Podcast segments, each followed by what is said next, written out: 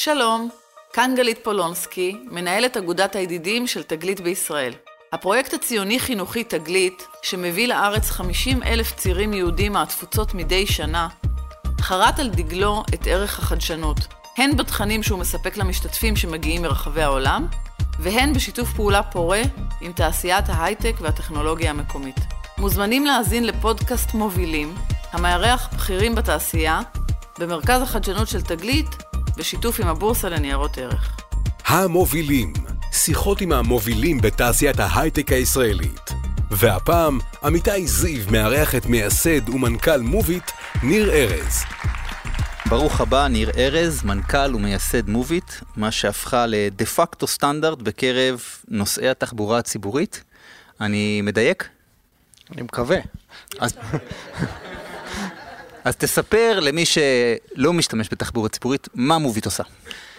אז יש מה מוביט עשתה ומה מוביט עושה. מוביט קמה לפני כשבע שנים, באמת מתוך רצון אה, מאוד ממוקד לתת פתרון לבעיה אה, של מידע לאנשים שנוסעים אה, בתחבורה ציבורית, אבל מאז החברה מאוד גדלה והתפתחה, והיום בעצם מוביט היא תשתית, מה שנקרא, של Mobility as a Service לכל נושא התחבורה העירונית, וכמובן לא רק בישראל, אלא בכל העולם. מה הביא אותך שלא נראה לי היית משתמש תחבורה ציבורית כבד לפני זה, להקים פתרון דווקא לתחבורה ציבורית. אני בכלל חשבתי ששמעתי על מוביט פעם ראשונה שהקימו את זה שני חבר'ה שסיימו צבא. כן, סיימתי צבא, אבל מזמן. אמ, האמת, האמת היא שזה סיפור מורכב. יש, אה, לטראביס מאובר היה את הסיפור איך הוא בפריז ניסה לתפוס מונית בלילה ולא הצליח, ומזה בא לו הרעיון. ולבריין מ-Airbnb שאני מכיר טוב, גם היה את הסיפור שלו, ולי אין סיפור כל כך אה, קשור, זאת אומרת, אצלנו זה התחיל ממקום אחר לגמרי, אני אה, נתתי הצעה להשקיע בווייז ב-2011, שדרך אגב לא התקבלה, הם קיבלו הצעה יותר טובה, ומאוד מאוד uh, התרשמתי מה, מהבנייה של מוצר קונסיומר. ומשהו כמו חצי שנה אחרי זה, באופן לגמרי לא קשור, התאמנתי עם uh, בחור שגר לידי למרתון טבריה, ו... בריצות הארוכות אני משתדל לנשום והוא מדבר הרבה. והוא מהנדס תחבורה, שמתכנ... מהנדס תחבורה שמתכנן אה, רכבות וכלי תחבורה, והוא כל הזמן דיבר עד כמה נושאי תחבורה ציבורית, אה, מה שנקרא באנגלית, הם underserved, זאת אומרת, לא מקבלים שירות מספיק טוב בכל העולם, ואמרתי לו, תקשיב, כמו שאמרת, אני, אני באמת לא זוכר מתי הייתי באוטובוס פעם אחרונה, אבל אם אתה יודע לעשות משהו בתחום הזה, זה נראה לי מדהים. וככה הרעיון התחיל מזה שבעצם אה, הצעתי להשקיע בדבר הזה.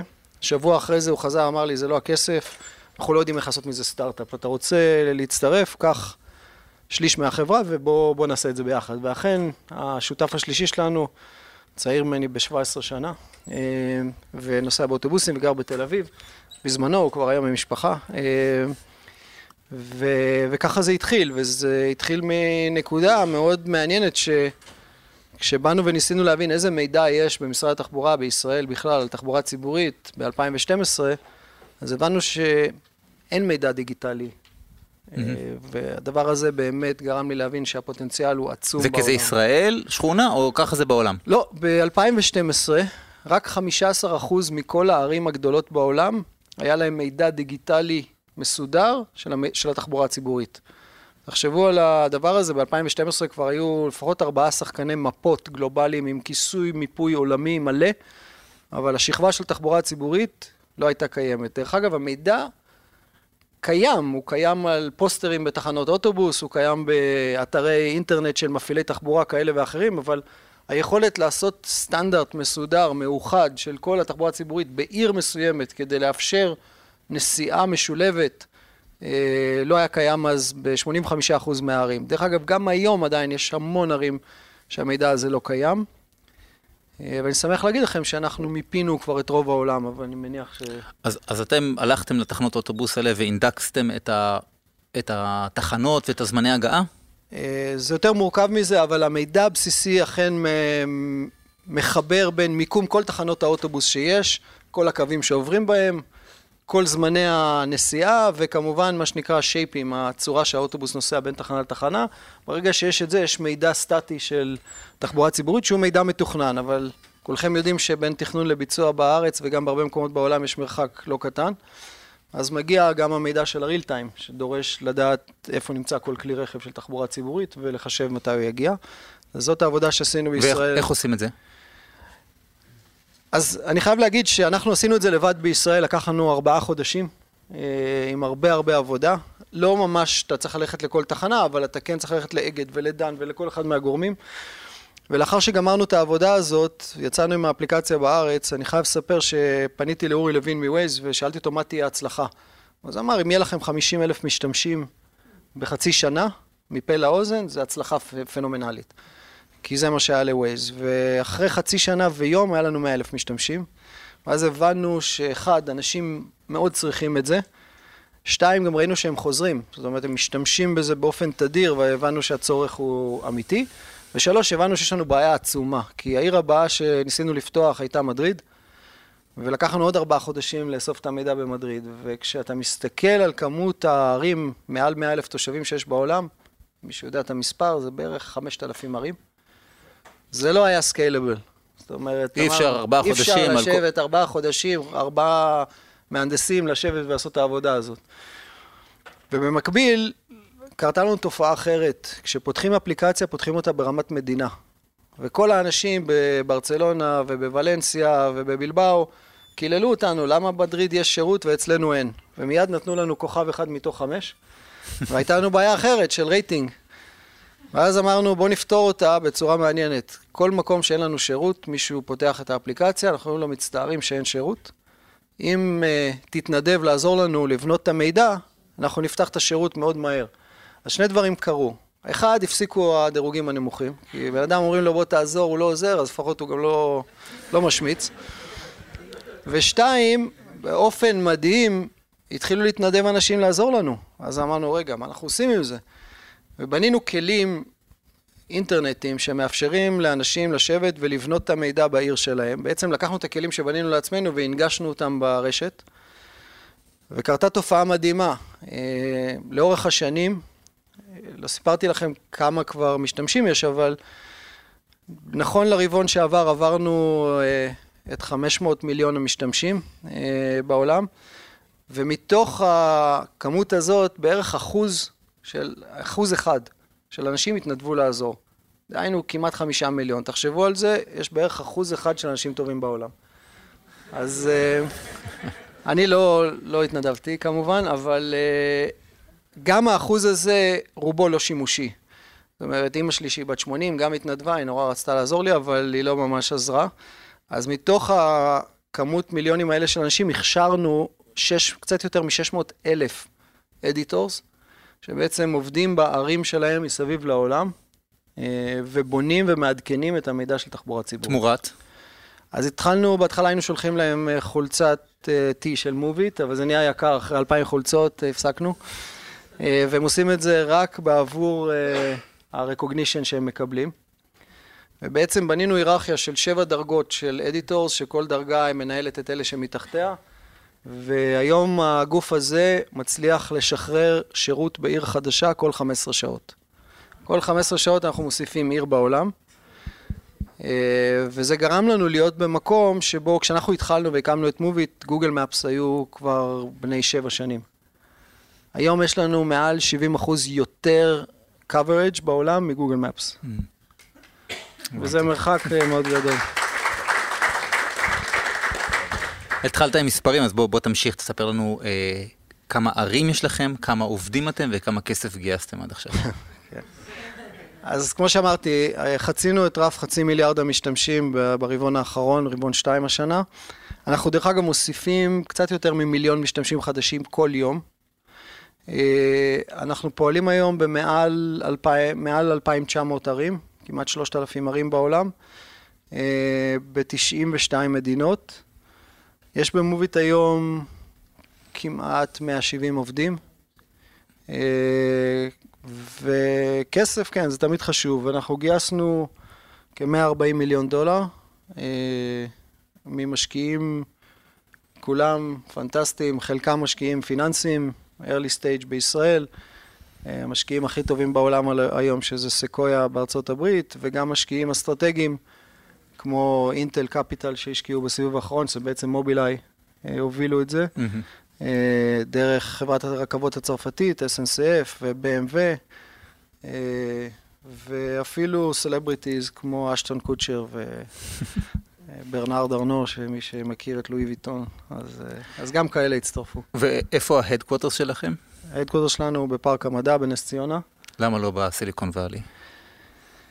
אה, זו שאלה מעניינת. אני גרתי בסיליקון וואלי, גרתי בפאלו אלטו אה, בסטארט-אפ הראשון שלי, ואני מכיר שם הרבה מאוד אנשים, וכשבאתי לגייס כסף בסיליקון וואלי, שדרך אגב, היה לי מאוד חשוב לגייס כסף טיר 1 סיליקון וואלי, אמרתי לכל הקרנות, שימו לב, אני מגייס ואני לא בא לגור כאן. ומי שרוצה לחייב אותי לגור כאן, לא לוקח ממנו את הכסף. הסיבה העיקרית זה שהסיליקון וואלי הוא לא מרכז עולמי בתחום התחבורה הציבורית, ואין סיבה אמיתית לגור שם. אה, זה מקום נפלא, אני מאוד אוהב אותו, אני נמצא שם כמעט פעם בחודש, מרגיש שם כמו בבית, גרתי שם ארבע שנים, אבל אין שום סיבה להיות שם.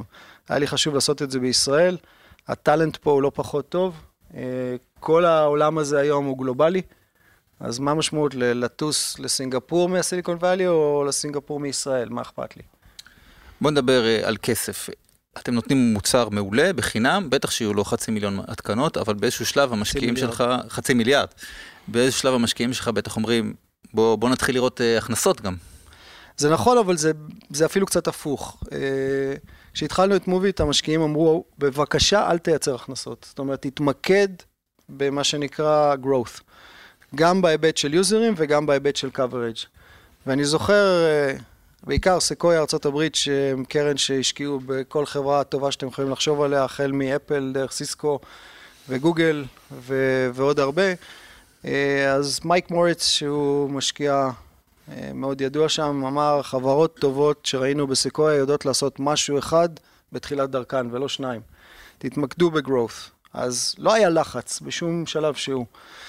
לי היה רצון באיזשהו שלב, ואז בעצם החלטנו בבורד שכשמובי תגיע למצב שכולנו נבין שהיא המובילה העולמית, אז uh, נוכל uh, להתחיל לייצר הכנסות, וזה קרה uh, בעצם בינואר שנה שעברה, התחלנו לייצר הכנסות, ו... תוך איך? כדי זה שהפכנו, אז בעצם מה שקרה למוביט בהתפתחות, זה שמאפליקציית תחבורה ציבורית הפכנו לבעצם פלטפורמה של Mobility as a Service. ומה שזה אומר זה שאנחנו יודעים לתת היום חיבור בין כל אמצעי תחבורה לכל אמצעי תחבורה. אנחנו יודעים לעשות אגרגציה של אובר וליפט וסקוטרים ושאטלים לאפליקציה שלנו בכל מקום בעולם. ו... אז הבנו שאנחנו יודעים לעשות שני דברים מאוד טוב מבחינה כלכלית. אחת, אנחנו המאגר מידע תחבורה ציבורית הכי גדול והכי עשיר בעולם, והיום יש לנו לקוחות, זה כבר יצא public, אז אני יכול להגיד, אה, אובר משתמשים היום במוביט כדי להציג אלטרנטיבה תחבורה ציבורית באפליקציה של אובר, ליפט עושים אותו דבר, גראב עושים אותו דבר, מייקרוסופט, אג'ור מפס, שזה המתחרה שקם עכשיו לגוגל מפס, אה, משתמש במוביט כתשתית המידע ל... תחבורה ציבורית. וזה כבר בכסף. וזה כבר בהרבה כסף. Mm-hmm. והדרך, או הצ'אנל השני, הוא בעצם למכור באופן ישיר לעיריות ולמפעילי תחבורה ציבורית תשתיות של Mobility as a Service. אנחנו uh, עובדים היום בעולם, מפעילים תשתית, uh, מה שנקרא Transportation on Demand, זה שאטלים כאלה שפועלים uh, בערים. אנחנו לא מפעילים אותם, אנחנו פשוט מספקים את התשתית של התוכנה ואת האפליקציה שלנו, שהיא מאוד... אה, נפוצה, אה, ועל ידי זה מפעילים גדולים יכולים לקחת, להפעיל 100-200 ואנים, להריץ אותם בעיר ולתת מה שנקרא תוספת לתחבורה אורבנית באמצעות התשתית של מוביט. אנחנו לוקחים אה, מידע אנליטי. מוביט היום אוספת חמישה מיליארד נקודות מידע ביום מהמשתמשים שלנו, חמישה מיליארד. כל נקודת מידע זה בעצם אוסף כל החיישנים על הטלפון שלכם. מיקום, כיוון, מהירות, טמפרטורה, ברומטר, כל דבר אנחנו אוספים באופן אנונימי לגמרי, וכתוצאה מזה אנחנו רואים תמונה של התנועה בעיר. אני יודע להגיד בריג'ן של סאו פאולו בברזיל, איך אנשים בבוקר זזים מאיזה פוליגון לאיזה פוליגון, באיזה שעות, כמה אנשים, באיזה כלי תחבורה הם ישתמשו, כי אנחנו מזהים איזה pattern של הליכה, נסיעה, רכיבה על אופניים, אוטובוס, רכבת וכולי. המידע הזה הוא מידע שהוא סופר קריטי לערים בתכנון תחבורתי. אה, בוא נדבר קצת על העתיד של התחבורה, בסדר? מדברים על כל מיני טרנדים של חשמלי ושיתופי אה, ואוטונומי. מה החזון שלך או שלכם לתחבורה, בוא נאמר בעוד עשר שנים, ואיך מובית משתלבת בו? אז כששואלים אותי גם בפנים, העובדים, לאן הולכים, אז פעם ה vision שלי היה, אמרתי להם, אני רוצה להגיע למיליון משתמשים. לא האמינו. אחרי זה אמרתי עשרה מיליון. במאה מיליון כבר התרגלו, וכשאני אומר עכשיו מיליארד בעוד שנה וחצי, אז כבר אף אחד לא, זה נראה עוד איזה יעד, אבל... יש מיליארד נוסעי תחבורה ציבורית בעולם? יש ארבעה מיליארד נוסעים תחבורה ציבורית בעולם. אבל כשאני מסתכל על החזון באמת, וכשאני מנסה להגיד לאן אנחנו רוצים לשאוף, אז אנחנו רוצים לשאוף שכל נוסע, או כל נסיעת, נסיעה עירונית שתהיה, אני רוצה להיות חלק ממנה באיזושהי דרך. בין אם זה שמוביט תהיה ב front, האפליקציה שמשתמשים בה, דרך זה שאני אפנה לנסיעת אה, סקוטר או איזשהו micro mobility או רכב אוטונומי, ובעצם להיות חלק מכל נסיעה עירונית. אז זה ה vision שלנו. אה, הכסף מגיע, כפי שאתה מבין, מכל דרך, אבל כשאני מסתכל על העולם, יש כמה דברים שהם נורא ברורים לנו כתוצאה מהנתונים שאנחנו רואים, זה לא כי אני מאוד מאוד חכם, הרי לא הייתי קשור לתחום הזה לפני זה, זה הכל ניתוח של מידע שאנחנו רואים. מה שקוראים היום mass transit, הסעת המונים, לא רק שלא הולך להיעלם, אלא הולך להיות עמוד השדרה. אין ברירה. בדיוק. אני לא יודע אם אתם יודעים, אבל אה, רכבת יכולה להוביל 35 אלף איש בשעה, זה ה-capacity. כשנתיב תחבורה של רכב יכול להוביל 2,000 איש במפר טו במפר, מה שנקרא, פגוש לפגוש. אז גם ביום שבו אה, נסיעה אוטונומית או רכב אוטונומי, שהפורם פקטור שלו יהיה כמו האוטו שלנו, של ארבעה מושבים, זה לא יספיק כדי להעביר את האנשים לאן שהם צריכים. זאת אומרת, היסע ההמונים, מה שנקרא, ימשיך להיות עמוד השדרה של, של תחבורה בעולם. אני חושב שהשינוי הגדול שמתחיל לקרות ויקרה בצורה מאוד משמעותית, זה מה שנקרא מולטי מודליטי. זה היכולת בעצם לצאת מהבית, למצוא סקוטר ביציאה מהבית, לרכב איתו אל תחנת הרכבת, או אם זה לא סקוטר ואני איש יותר מוגבל או יותר מבוגר או קר בחוץ, אז אה, יגיע transportation on demand, שזה, לא יודע, איזשהו טרנזיט של תשעה נוסעים, יאסוף אותי אל תחנת הרכבת, אני אסע עם הרכבת אל העיר, בתוך העיר יחכה לי נהג של ליפט, איך שאני יורד מהרכבת, החיבור הזה יהיה מדויק, ובסופו של יום אני אפילו לא מוציא את הארנק, כי התשלום קורה באופן אוטונומי. וברגע שהתהליך הזה, התשלום קורה אוטומטית דרך אותו חיבור של אמצעי תשלום והנסיעה תהיה חלקה, זה היום תהליך שיש בו הרבה חיכוך. הרבה מאוד חיכוך אם אתם חושבים עליו עכשיו. והיה פה דייב קודם ויודע כמה קשה להזמין מונית של גט שתגיע בדיוק בזמן או שתוריד אותי ברכבת ואני לא מאחר את הרכבת ונתקע עוד חצי שעה לרכבת הבאה. התזמונים האלה הם היום מה שנקרא באנגלית high friction. יש חיכוך מאוד גדול, מאוד קשה לעשות אותם. ביום שהדברים האלה אה, יהפכו להיות איזשהו סטנדרט של נוחות, אה, אני חושב שהתחבורה תשתנה באופן דרמטי. בוא ננחית אותך חזרה לביצה שלנו, אנחנו פה טובעים בפקקים. לו אני נותן לך עכשיו את המפתחות למשרד התחבורה, מה היית ממליץ אה, לפרנסים שם? זה נורא קשה להיות חכם בלילה, כי, כי אני מניח... אתה רואה ש... מודלים בכל העולם. אז המודלים שאני רואה בעולם, אה, הם מורכבים מכמה אלמנטים, וכל האלמנטים האלה נותנים חד משמעית עדיפות לתחבורה הציבורית. אה, קשה בן רגע להקים רכבת תחתית בישראל עד כדי בלתי אפשרי, אבל כשנוסעים במטרו בפריז ומבינים את המשמעות, או בטיוב בלונדון את המשמעות של הדבר הזה, אז מבינים שהתשתית היא דבר נורא חשוב. אז א', המון סבלנות לרכבת הקלה, אני חושב שיהיה שיפור מאוד משמעותי כתוצאה מזה. ב', נתיבי תחבורה ציבורית. נתיבי תחבורה ציבורית זה עניין פוליטי, זה עניין כלכלי. אף אחד לא רוצה לוותר על real estate, אף אחד לא רוצה להקשות עוד על נהגים, אבל אין ספק שנתיבי תחבורה ציבורית עם פריקוונסי יותר גבוה של אוטובוסים, בסופו של יום אה, הופך את הדבר, את הנסיעה בתחבורה ציבורית להיות נסבלת. כל המעבר הזה בעצם, אני חושב שמה שקורה לנו זה שמחכים שבאמת יהיה בלתי נסבל להיכנס עם רכב לעיר, עד כדי כך שתוכל לנסוע בתחבורה ציבורית, במקום להפוך את התחבורה הציבורית להרבה יותר נעימה. Mm-hmm. זה, זה יגיע או משם או משם, אבל, אבל זה מה שקורה. אז זאת אומרת, בעיקר אה, השקעה בתשתיות. והדבר הנוסף שאנחנו רואים היום, זה שהטכנולוגיה המודרנית שבעצם מתמקדת כולה בדיווייס אחד, שזה הטלפון הזה שיש לנו, אה, יצר איזשהו שינוי מדהים. השינוי המדהים שמאפשר זה, הדבר הזה מחובר כל הזמן והוא נותן מיקום. וזה הדבר היחידי שהשתנה דרמטית בעשר שנים האחרונות, ובעצם מה שזה מאפשר, זה מאפשר אה, בעיקר באזורים שאנחנו קוראים להם low density areas, פרברים, אה, לשנות את מודל התחבורה. היום אנחנו רואים בפרברים, לא רק בארץ, אנחנו רואים בעולם אה, שמשרתים פרברים באוטובוסים, וזה לא הגיוני. האוטובוסים, או שהם באים בתדירות מאוד נמוכה, או שהם נוסעים בתדירות גבוהה והם ריקים. כי בפרברים כמות הנסיעה הנדרשת היא של מעט אנשים במעט, בפריקוונסי יותר גבוה. ולכן, אני חושב שמה שכן משתנה עם הטכנולוגיה, ומה שאני כן הייתי מציע, זה באופן דרמטי להעלות את כמות ההיסעים, או, או ה-mode of transportation שנקראים transportation on demand. אנשים עכשיו צריכים לנסוע, יש דרך לאסוף אותם ברכבים אה, שיתופיים.